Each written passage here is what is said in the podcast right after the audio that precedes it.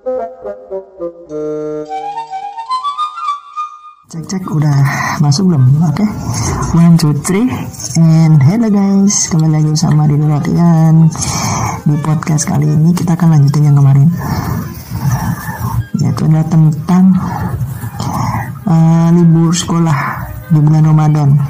Dan ini untuk ini uh, karena update-nya udah lebih dari seminggu lebih mungkin ya. Tapi insya Allah nggak lebih sih. Gue nggak tahu tanggal tanggal berapa bakal rilis. Untuk yang pertama kalian bisa cek aja langsung di uh, deskripsi atau mungkin di end of this video atau mungkin di uh, eh, apa ya oh biasa di end of this video deh di klik aja ya, di note di atas di kanan atas nanti kalian bisa cek aja video yang pertama jadi uh, oke okay, selanjutnya gue bakal bahas. Sebenarnya kemarin tuh adalah pertanyaannya adalah uh, 180 hari. Aku setuju tapi ada tapinya. Apa sih tapinya? Nah di sini kita akan masuk ke ranah logika. Masuk ke ranah logika. Dan kalian bisa cari semua datanya itu di Google. Kenapa Google? Karena Google itu emang emang kalian nanya apa aja pasti ada sih. Jadi yang gue kenapa gue uh, agak sedikit uh, pertanyaan karena adalah kurikulum. Langsung aja ya kita strike to the point kurikulum. Kurikulum. Kenapa sih kok kurikulum sih loh kok nggak bahas yang lain-lain? Kalian baca aja kurikulum 2013 2000 uh, KTSP kurikulum yang lain-lain lah ya setiap tahun pasti aja. Pasti aja.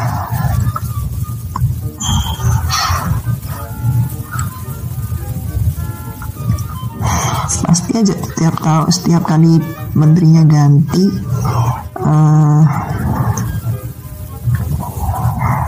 uh, menterinya ganti kurikulumnya ganti dan lain-lain. Pokoknya kalian bisa cari aja di Google tapi gue mau uh, pertanyaan di sini. Nanti kalian teman-teman yang punya ide pendapat gue lebih setuju kalau kalian ngasih pendapat bukan ngasih uh, apa ya kayak ngata-ngatain atau gimana. Gue mau lebih suka kalau kalian uh, kalian meskipun kalian umurnya 7 tahun 10 tahun kalian langsung aja ngomong uh, anu kak kurikulum saat ini berat nggak apa-apa gue lebih suka kalian kalian kayak gitu daripada kalian.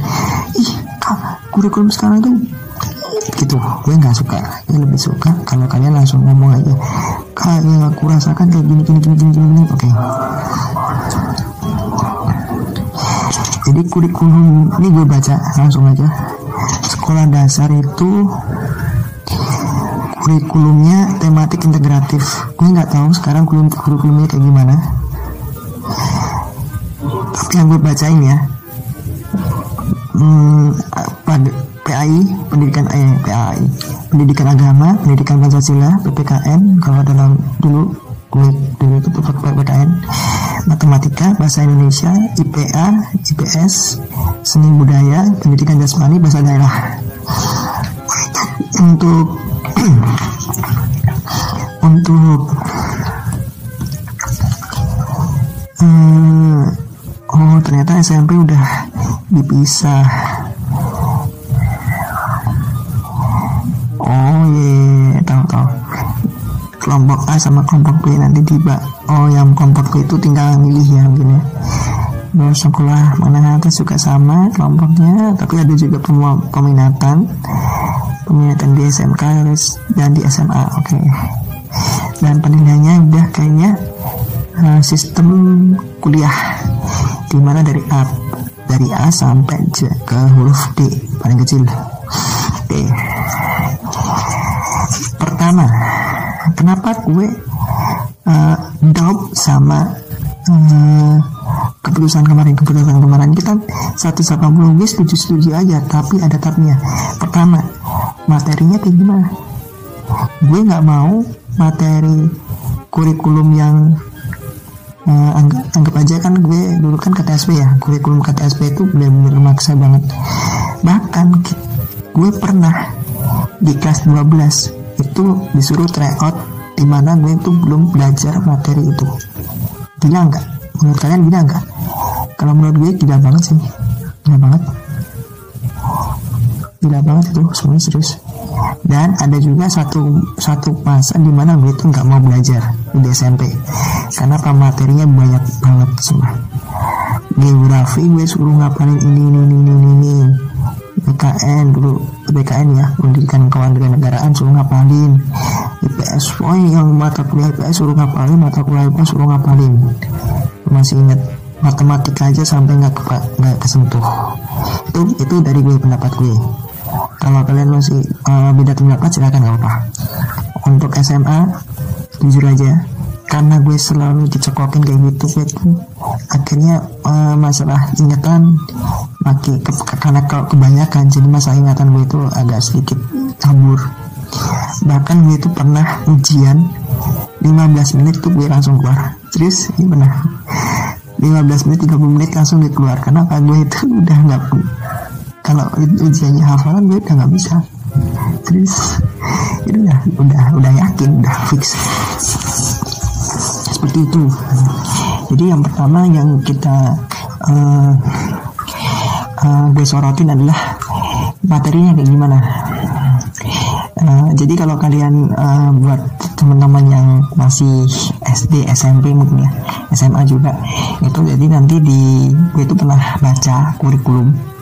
Atau mungkin yang di SMA mungkin tahu yang di yang sekarang di kelas 3 di setiap jenjang atau kelas 6 SD itu kalau kalian sering baca itu ada juga kurikulum yang ternyata itu mencakup uh, semua pelajaran yang kalian telah belajar telah kalian belajar ya. Telah kalian pelajari selama sekolah. Jujur aja di dalam diri gue masih keberatan sama materinya.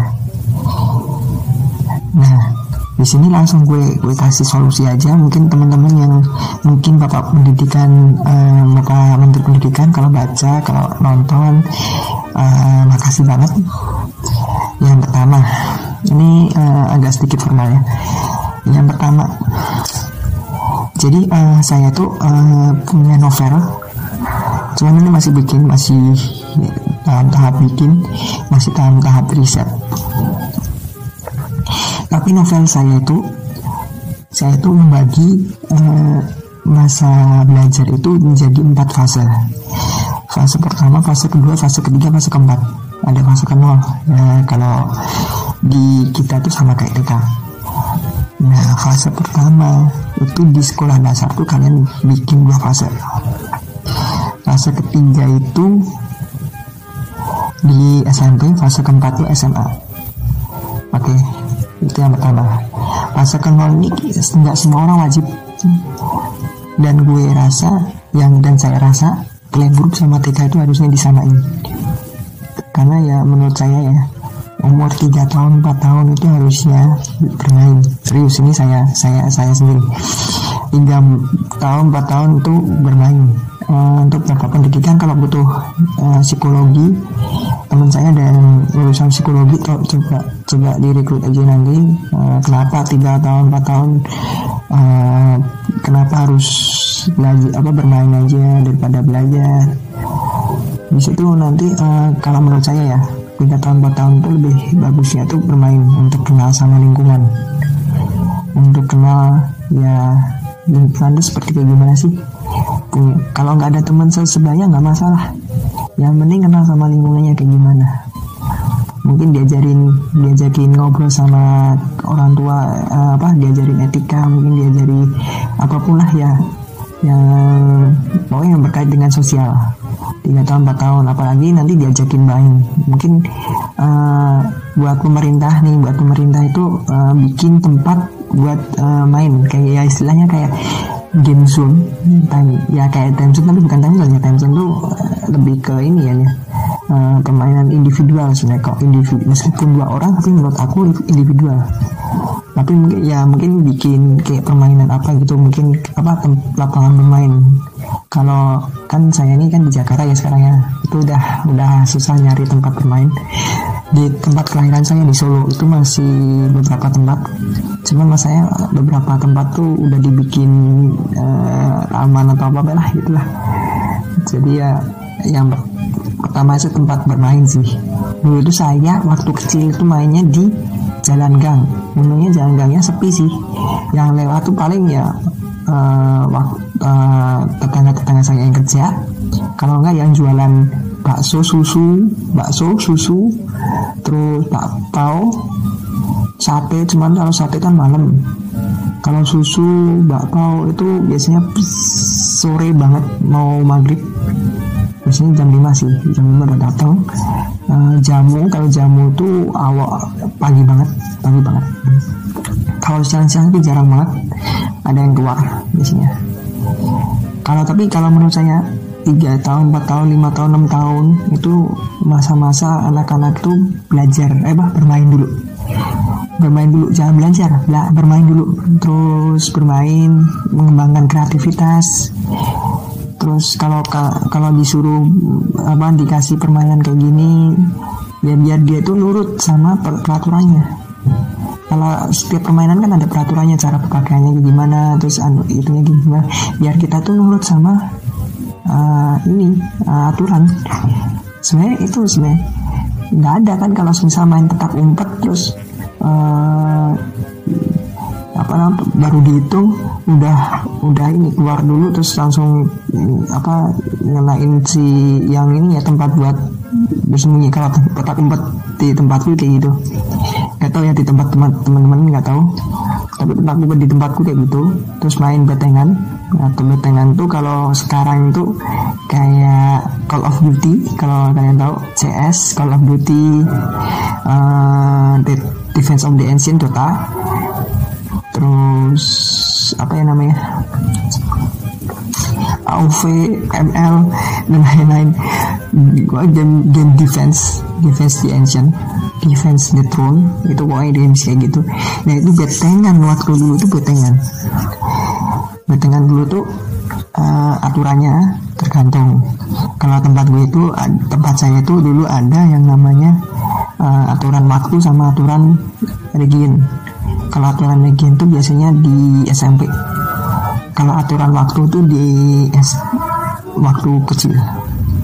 Jadi kalau aturan waktu itu biasanya yang paling lama itu pasti anu pasti pasti mati pasti mati itu pasti ketangkap kalau ketangkap tuh langsung ke uh, betengnya musuh. Kalau aturan legion itu ya setengah kalau kalian berada di setengah area musuh ya. Kalian tetap mati. Hitungannya mati. Meskipun kalian baru kena teman kalian tetap hitungannya mati. Gitu. Tapi kalau saya tuh lebih suka yang uh, aturan aturan waktu sih. Nah ini ini buat buat produser gaming. Tolong bikin permainan-permainan um, lama di apa permainan-permainan lama ini dibikin online lah. Kalau butuh saya, saya siap. Saya siap untuk datang. Saya siap untuk ngonsepin bareng-bareng. Yang penting uh, permainan zaman-zaman kecil tuh zaman-zaman saya kecil, zaman-zaman nenek kecil tuh bisa di online digitalkan lah ya. Generasi X, generasi Z tuh butuh generasi X, Y, Z itu butuh banget game yang kayak gitu biar kita juga kenal juga kayak gimana sih serunya gamenya waktu kecil itu kayak gimana Oke lanjut tadi uh, untuk fase kontrol jadi uh, lebih saya tuh sarankan lebih ke permainan lebih ke mengembangkan kreativitas rather than suruh belajar. Dulu tuh kalau saya di TK itu belajarnya uh, menghitung sih menghitung sama eh membaca sama menghitung. Nah, kesalahannya adalah pada saat SD kelas 1, 2, 3 Sampai sekarang. Sampai sekarang. Kenapa?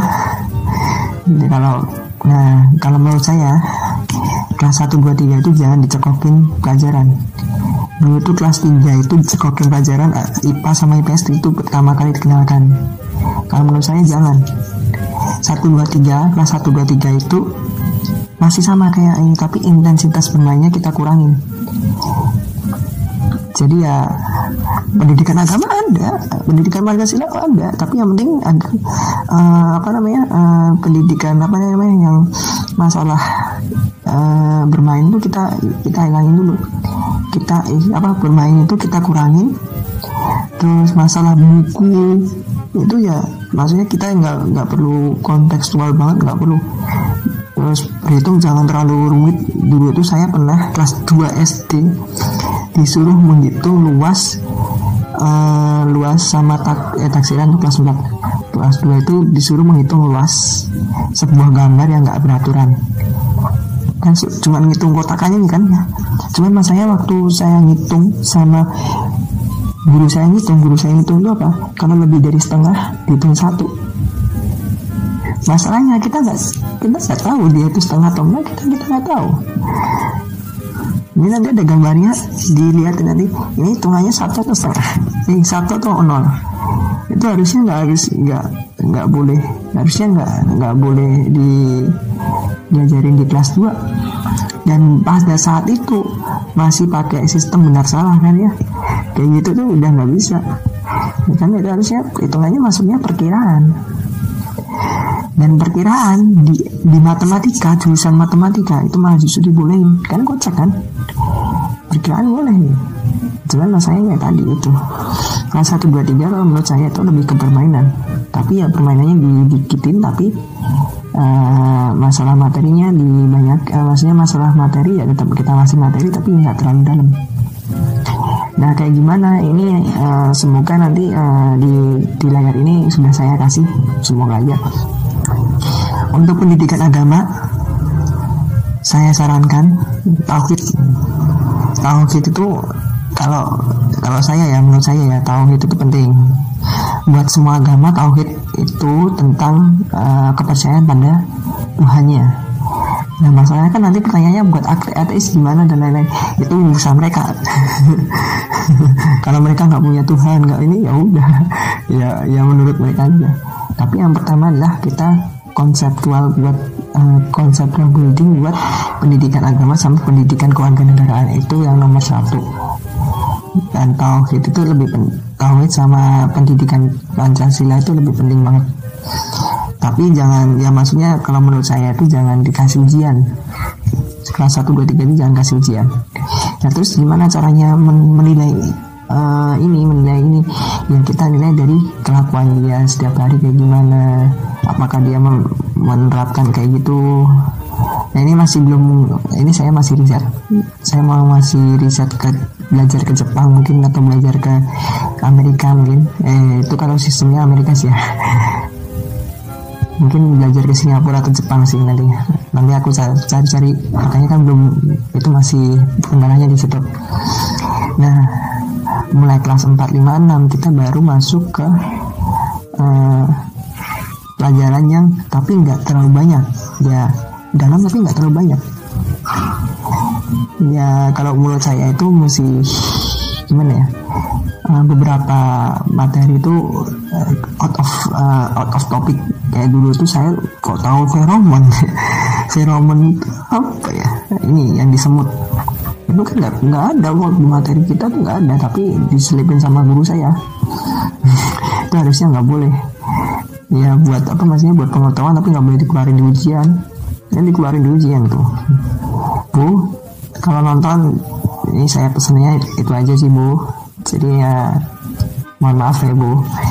Jadi gitu. Maksudnya ya sesuai dengan konteks ya meskipun ya, guru kalian nih oh, ternyata emang guru olimpiade ya sesuaikan konteksnya pada saat itu. Jangan olimpiade jangan ya kalau semisal dia pinternya di situ terus ya guru olimpiade ya belajarnya di situ aja di situ aja jangan di olimpiade jangan udah Terus kalau menurut saya uh, kalau ujian terus ini ya masih materi ya, mas materi dulu materi kita bahas.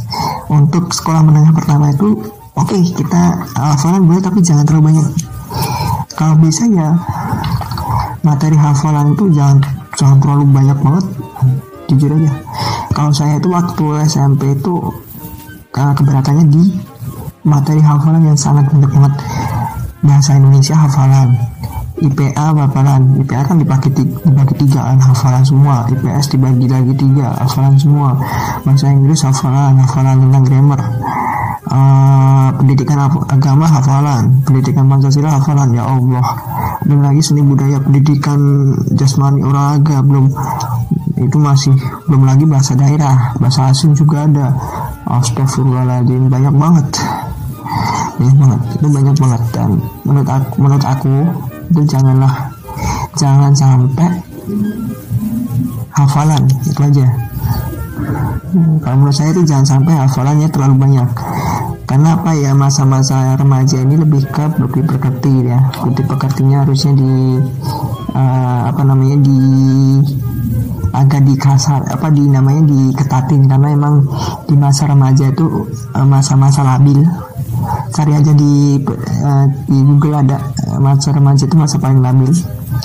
Dan apalagi ya beberapa kasus apalagi kasus yang minggu lalu hangat tentang Audi.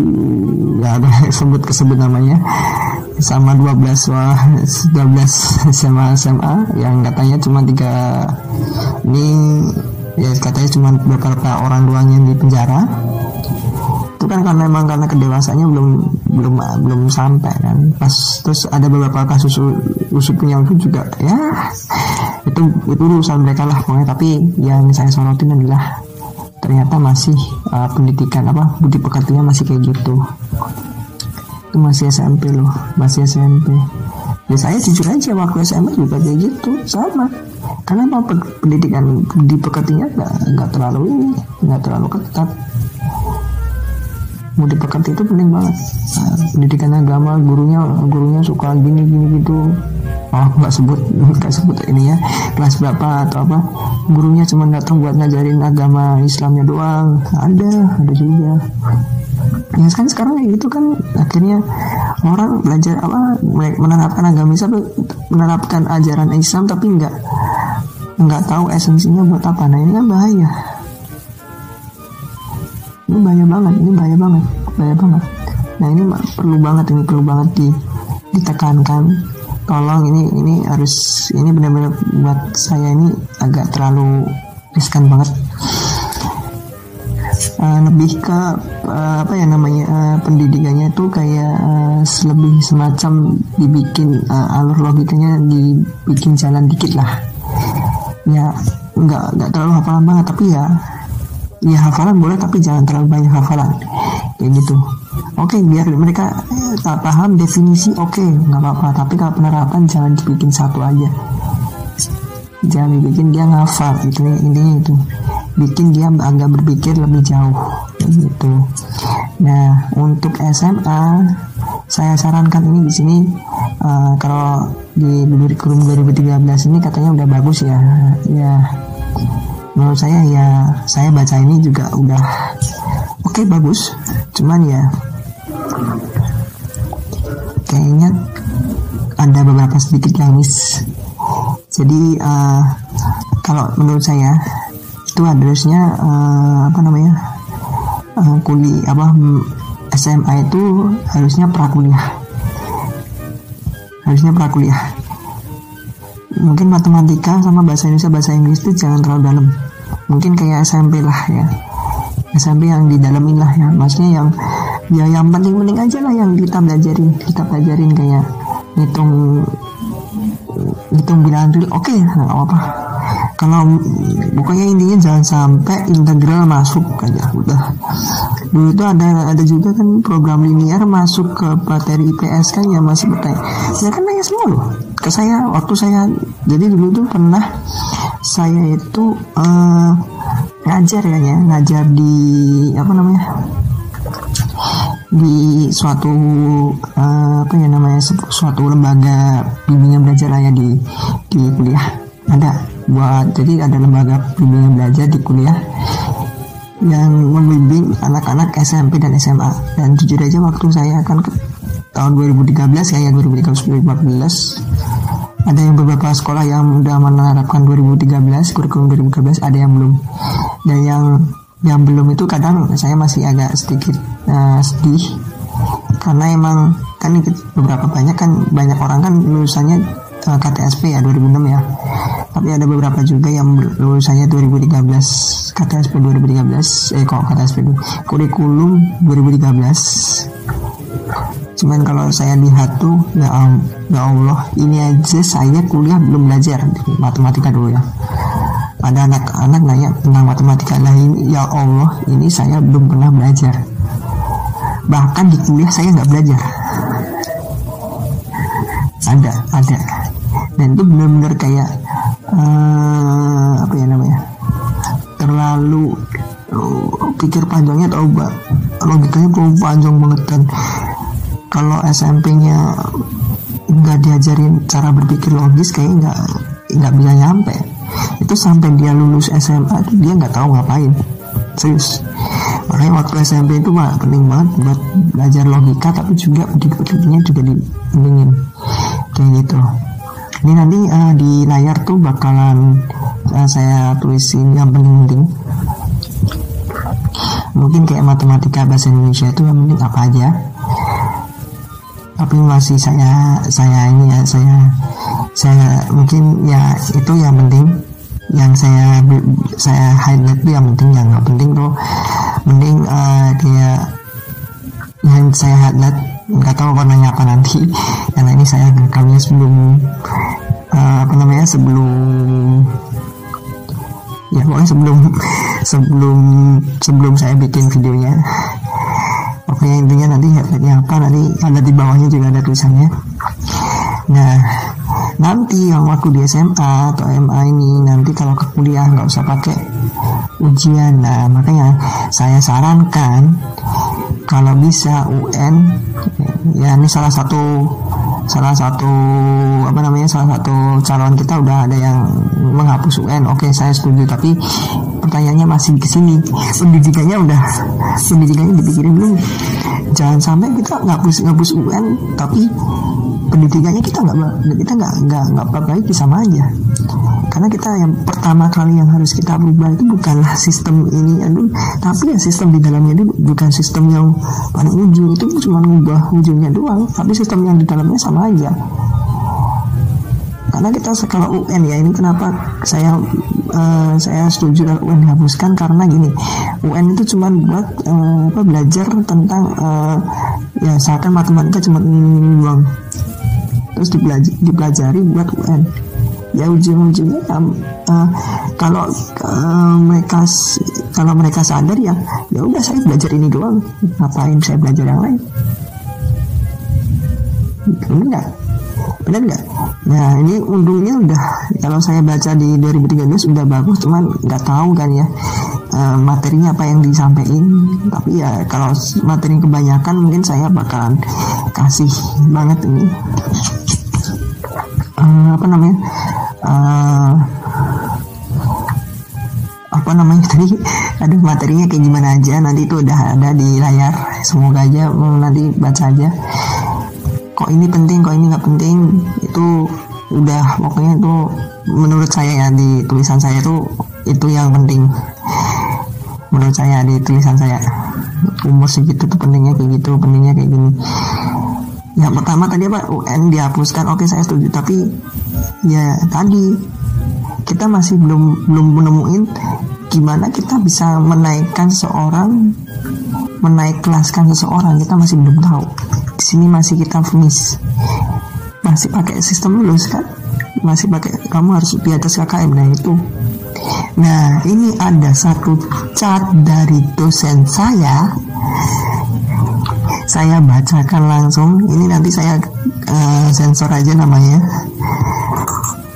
Saya, sensor aja namanya. Mana? Jadi di status Facebook dosen saya dituliskan kebayang nggak kalau di perguruan tinggi diterapkan KKM nilai mata kuliah minimal B. Maka ketika lulus IP rata-ratanya minimal 3 lalu melamar kerja pasti diterima tapi ketika, diberi pekerjaan ini dan itu tidak bisa. Generasi KKM begitu kuliah tumbang dapat 20 ya 20 mengulang tahun depan. Welcome to the real world. Generasi KKM maksudnya gimana? Ya waktu kuliah ya dia nggak tahu kalau ternyata waktu waktu sekolah itu ada yang dekatrol nilainya ada yang uh, sebenarnya dia yang midi tapi dia disuruh lulus KKM akhirnya nilainya dikasih KKM ada juga zaman gue SMP gitu Nah, pada saat kuliah kayak gitu ternyata maksudnya pada 20 20 maksudnya gimana? Ya, di kuliah kalau mau mau dapat nilai berapapun ya berapapun. Kalau nggak lulus ya nggak lulus sudah. Mulai tahun depan. Nah, saran saya kenapa nggak usah ada pembatasan? Itu bukan karena uh, untuk menilai mutu enggak. Justru kalau tanpa pembatasan ini kita tahu orang ini tuh kayak gimana. Orang ini kayak gimana? Lebih saya lebih suka kayak gitu. Kalau semisal di kuliah ini kayak contohnya di kuliah nggak usah pakai nggak usah pakai batas minimal C misalkan ya udah kalau dia uh, cuman sekolahnya kuliahnya apa kuliahnya kayak gitu terus ya udah biarin. Biarin aja.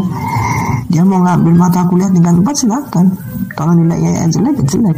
Biarin aja nanti pas lulus dia bingung sendiri. Nah tapi biasanya ya sama. Kalau SD SMP SMA kalau nggak ada batas ya udah biarin kalau dia nggak mau sekolah ya nggak mau sekolah biarin. Nilainya jelek jelek jelekin aja nggak usah nggak usah peduli. Nah tapi di orang Indonesia itu kebanyakan ini dari dari teman rekan kerja ya. Kebanyakan itu agak sungkan. Jadi takut maksudnya takut kayak gimana? Ya kalau dapat nilai jelek ya nggak naik kelas dong apa apa namanya kayak khawatir gitulah. Kalau nggak nilai jelek nggak dapat kerja nilai jelek nggak dapat ini nggak dapat ini nggak dapat itu. Akhirnya ya ya banyak orang yang protes ya terus akhirnya muncul KKM jadi ya sebenarnya KKM ini katanya dari kita sendiri. Ya akhirnya apa ya, ya akhirnya karena KKM itulah muncul karena KKM karena sistem UN muncullah bimbingan belajar bimbingan belajar awalnya bukan membimbing eh, awalnya cuma bimbingan belajar ya buat lulusin dia buat biar dia itu lulus KKM awalnya itu akhirnya tujuannya buat UN karena apa masih pakai sistem UN kayak gitu. Nah ini sistem UN kelulusan ditentukan oleh UN nah ada yang bayar sampai 20 juta ada yang bayar ini. Nah makanya kalau kalau sekarang ujian nggak ada terus kita gimana caranya kita menilai eh, apa namanya menilai dia itu bagus atau enggak nah ini saya sarankan jadi saya punya ide pakai regresi linear Maksudnya apa? Jadi kalau regresi linear itu ada yang yang simple linear regression aja, simple linear regression. Artinya apa? Kita bisa tahu dia tuh naik atau turun udah. Jadi nanti dia biar sekolah sampai umur sampai mau jenjang selanjutnya kita bisa pakai regresi linear. Dia naik atau enggak? Kalau dia naik ya udah lulusin. Kalau enggak ya turun. Ya udah dia suruh ngulang. Ngulang tiga tahun atau ngulang ngulang tahun keberapa terserah kalau regresi linear tuh nggak usah ngulang nggak usah ngulang dari awal nggak usah tinggal nambahin data kan kalau misalkan dia turun kita tambahin data satu yang mana dia tuh pencilan ke atas dia tuh bakal si garisnya itu bakalan naik sendiri. Dan masanya kan berapa kalau slope-nya sangat miring banget ke bawah yang naikinnya susah berarti kan berapa tahun lagi apa butuh berapa tahun ya kan? Butuh berapa kali sekolah berapa kali kuliah berapa kali sekolah. Makanya kan dibikin banyak datanya. Kalau dibikin banyak datanya kalau saran saya setiap jenjang itu ada empat kali kalau setiap jenjang empat kali saya setuju kalau empat kali apa di uh, sekolahnya cuma 180 hari. Sekolahnya cuma eh, cuma 880 hari. Kalau 180 hari dibagi 4 berapa itu sekitar 45 hari. 45 hari kerja 45 hari sekolah.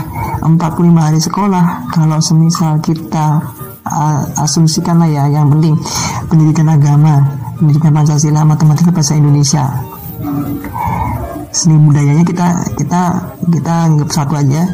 Pendidikan jasmani kita anggap satu. IPA IPS sama bahasa daerah. Cuma lima kali pertemuan.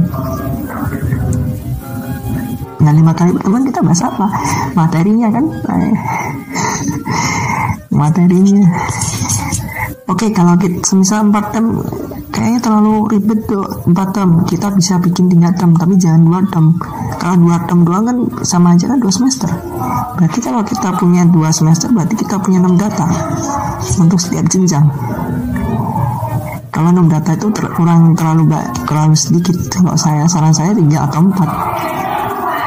Kalau semisal 3 180 bagi 3 60 hari. 60 hari kita tadi punya 9 jadi sekitar 6 sampai 7 6 sampai 7 pertemuan nah terus gimana setiap kali term setiap kali uh, part ini kita kayak gimana? Ya kalau saran saya ya udah biar kita ya biar bukan subjektifnya guru tapi ya ada objektifnya apa ya. Mungkin kita kasih tugas atau mungkin kita kasih uh, ini tapi bukan tujuannya bukan untuk memberatkan doang tapi tujuannya adalah untuk biar dia itu paham apa yang dia pelajari itu apa. Atau mungkin bisa uh, ngerjain ngerjain soal yang kalau dulu ada LKS kan ya zaman saya itu ada LKS suruh ngerjain LKS mungkin atau mungkin uh, apalah ya gitu. Tapi yang penting dia tuh nggak terpaku sama nilai. Jadi terpaku sama uh, progres dia belajar apakah dia paham atau enggak kalau dia nggak paham kita kasih tugas tambahan. Mungkin bisa naik nilainya mungkin bisa turun nilainya tapi yang penting kita kasih tugas tambahan yang ngumpulin ya kalau dia ngumpulin berarti kita bisa nilai dia di budi pekertinya. Udah selesai. Simpel kan? Kayak gitu. Kalau menurut saya kayak gitu. Mungkin kalau mau direkrut ya saya sudah fulfill to free untuk meninggalkan pekerjaan saya. Nggak juga sih ya tetap saya pengen jadi, jadi data analis nggak nggak mau. Tapi kalau uh, uh, uh, siapa uh, bapak menteri pendidikan atau siapa pun yang nonton kalau tertarik sama ini kalau suka makasih banget. Like aja nggak apa-apa. Boleh banget di ini uh, apa namanya ya di apa di di adopsi boleh silakan. Saya saya pokoknya saya uh, seneng banget kalau misal uh, apa namanya diajakin diskusi boleh. Tapi ya saya mintanya diskusinya sama teman-teman saya. Sama, sama sama saya sendiri. Saya sendiri terlalu ini sih. Atau mungkin uh, minta saya untuk ikut apa ngirim surat. Oke okay sih nggak apa-apa. Saya juga siap. Cuman saya nggak bilang pendidikan kita jelek. Enggak pak.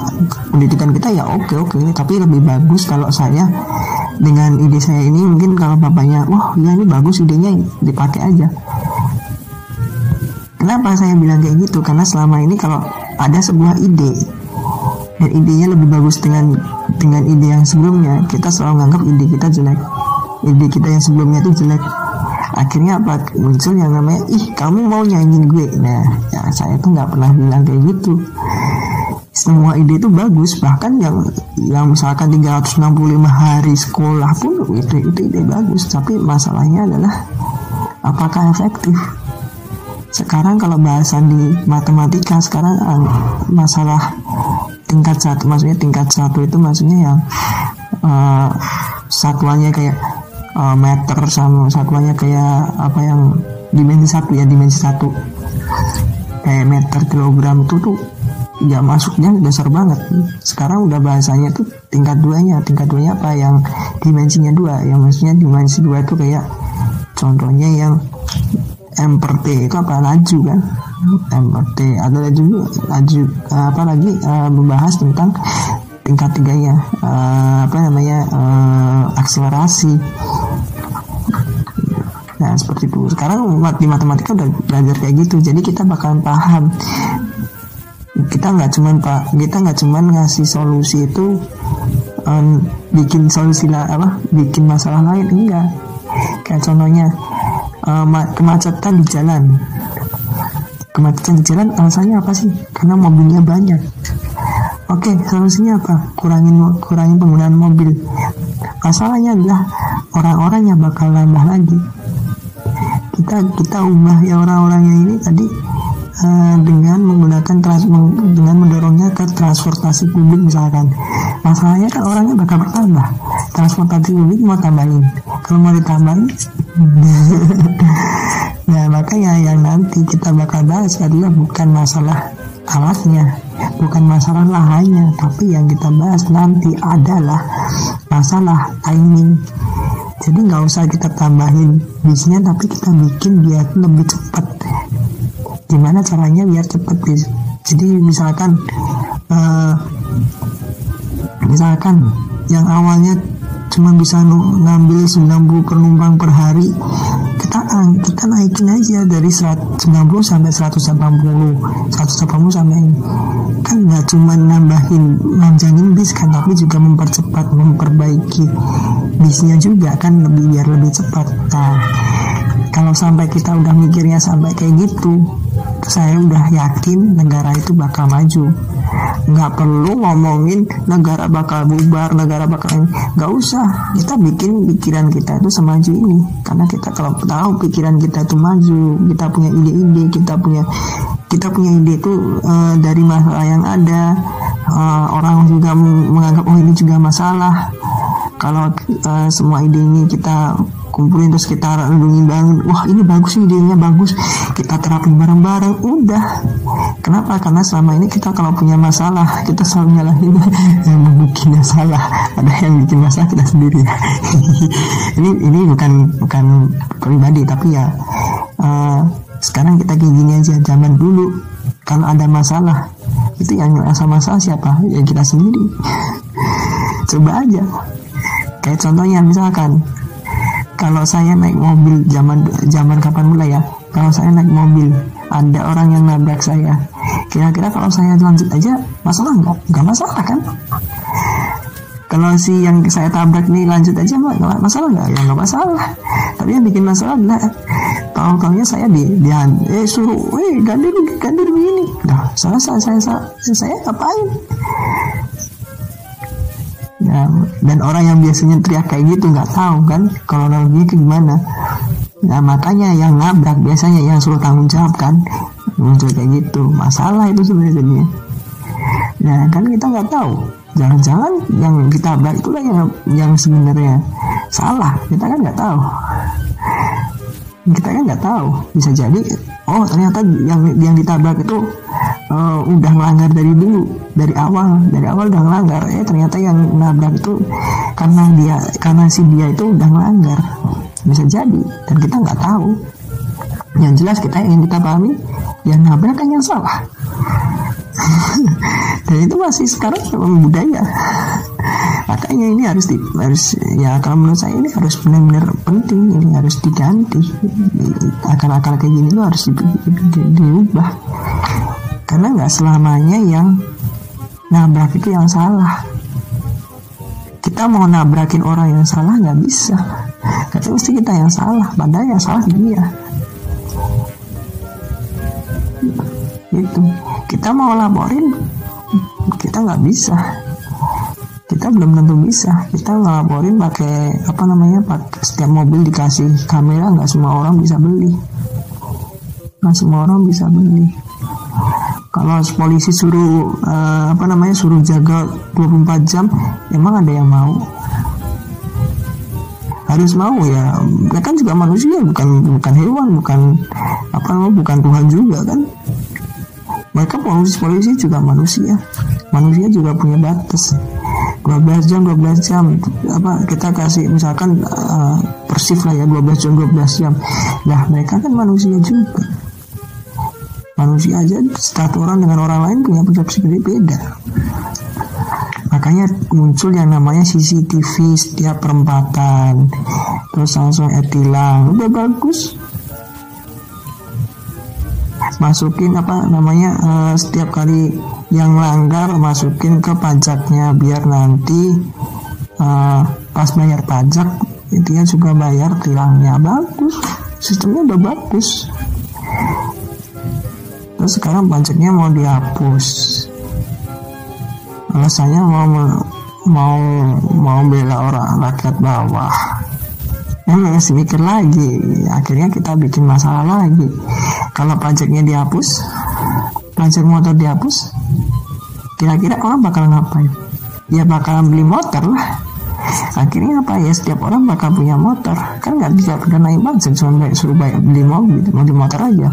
Saya bisa minta orang tua pak minta beli minta beliin motor tapi pakai KTP ku bisa kan? Nah saya kan nggak kena pajak akhirnya motor makin banyak setiap orang punya motor jadinya. Jadi yang awalnya cuma perguruan sekunder jadi perguruan primer akhirnya kayak gitu. Jadi masalah lagi masalah yang awalnya adalah pajak pajak motor. Sekarang kalau pajak motor lebih saya lebih setuju kalau pajak motor setinggiin sekalian. Orang bakal mikir nah kalau motornya kebanyakan pajak motornya tinggi ya ngapain saya beli motor? Kalau kalau gitu mereka bakal ngejual motor. Jual motor kan udah second jadinya. Ya kan second harganya lebih lebih rendah. Yang beli orang-orang yang terus dia juga bingung nanti wah ini kok pajaknya gede pajaknya gede ya saya kerja. Akhirnya mereka punya penghasilan. Tapi nggak mau nggak pernah mikir sampai segitu ya. Ya udah. Tapi pokoknya itu aja yang saya bisa sampaikan. Nyambungnya ke mana-mana kan tapi yang intinya satu kalau menurut saya pendidikan tuh penting banget buat diubah. Uh, jangan sampai kita tuh lulus dengan generasi menghafal itu aja sih yang menurut saya sih. Buat buat Pak Menteri Pendidikan kalau uh, pengen banget uh, ngobrol dengan saya saya siap banget ngobrol. Uh, kalau mau diskusi juga saya siap saya juga mau ngobrol-ngobrol ini masih saya juga punya kenalan juga masih ngobrol tentang pendidikan dan masih tentang ya masih ngobrolin apa sih keresahan-keresahan saya mau bikin bahkan saya mau ini mau, mau bikin sekolah sendiri loh pak. Mau bikin sekolah sendiri loh ini dengan kurikulum saya sendiri. Masih mikir tapi oh, ya enggak lah. Nggak akan komersial itulah. Tapi ya semoga aja dengan omongan kayak gini nanti uh, saya saya terbuka buat teman-teman yang mau nyampein dapat oh saya lebih suka kalau kalian ngerasain feel yang sama ya ngomongin aja. Ya pendidikannya jelek eh, apa pendidikannya kayak gini gini gini gini gini. Saya harus disuruh gini gini gini ya saya setuju. Ya ya saya setuju. Tapi lebih saya lebih setuju kalau kalian berpendapatnya sesuai dengan yang kalian belajar kalian kalian pelajari ketika belajar bahasa Indonesia kalau berpendapat tuh kayak gimana? Yang sopan yang baik gitu aja udah. Kalau pakai kata-kata kotor ya kalau kata-kata kotornya bab sesuai tempatnya sesuai ininya ya silakan aja. Cuman ya paling keblok aja sih. Cuman keblok aja sih kalau menurut saya. Kalau misal sistemnya udah bagus ngapain di, diubah? Ya udah. Kalau sistemnya bagus ngapain diubah? Ya udah nggak usah diubah nggak masalah. Tapi kalau sistemnya bagus tapi ada yang lebih bagus jangan sampai kamu ngomong sistem kamu sistem yang bagus tadi jelek. Jangan udah. Kalau ada yang sistem bagus terus ada yang bag baru lebih bagus dan ternyata emang lebih bagus ya kenapa nggak dipakai? Nggak usah kita nggak maksudnya apa kita nggak usah susah biarin aja. Kita kita harusnya moving forward nggak usah lihat belakang kalau kita ngambil langkah ke depan kita nggak mungkin kan lihat eh belakang tadi gue ngapain sih? Tadi nginjek apa ya? Kan nggak mungkin kan? Kalau kita nginjek misalkan ya mohon maaf nih nginjek uh, kotoran kucing misalkan. Kan kita langsung pas nginjek kan? Bukan pas kita jalan berapa meter terus kita lihat kaki kan? Nggak mungkin kan? Kita kalau pas nginjek kan nggak oh ternyata kotoran kucing. Nah, gimana caranya? Nanti kan kita masih bakal pikir, wah nanti kalau ada kotoran kucingnya saya harus lompat. Kalau kalau kita udah pikiran sampai kayak gitu, udah. Nah jangan sampai kalau kita nginjek kotoran kucing, ini kok tugas kebersihan mana? Nah kita nggak tahu kotoran kucing itu yang ngeluarin siapa. Yang ngaruh itu kan kucing sendiri. Kita nyalain kucing. Kucing gak punya akal itu ya terlalu banyak ngomongnya. Makasih yang udah dengerin podcast gue. Makasih. Jangan lupa like share dan subscribe. Nama gue Rido dari Roti dan ikutin terus podcast podcast dari gue. Jadi uh, untuk kesimpulannya untuk kesimpulannya uh, libur Ramadan apa libur puasa? Apa puas puasa sekolah diliburin setuju nggak setuju. Tapi kurikulumnya juga dibenahin. itu aja kurikulumnya juga dibenahin. UN apa namanya UN dihapuskan setuju. Setuju tapi kurikulumnya juga dibenahin. Kalau kurikulumnya udah dibenahin kalau kurikulumnya udah dibenahin UN mau dihapus enggak? Uh, mau libur puasa silakan. Tapi yang jelas masalahnya adalah kalau kurikulumnya udah kayak gitu mau UN dihapus ya tetap masih masalah kan mau UN-nya mau diganti kayak gimana pun itu masih tetap masalah. Ya pokoknya kita kalau ada masalah kita di masalahnya itu bukan kita nyalahin orang lain seperti itu oke makasih yang udah dengerin ya dan salam lagi semuanya. Bye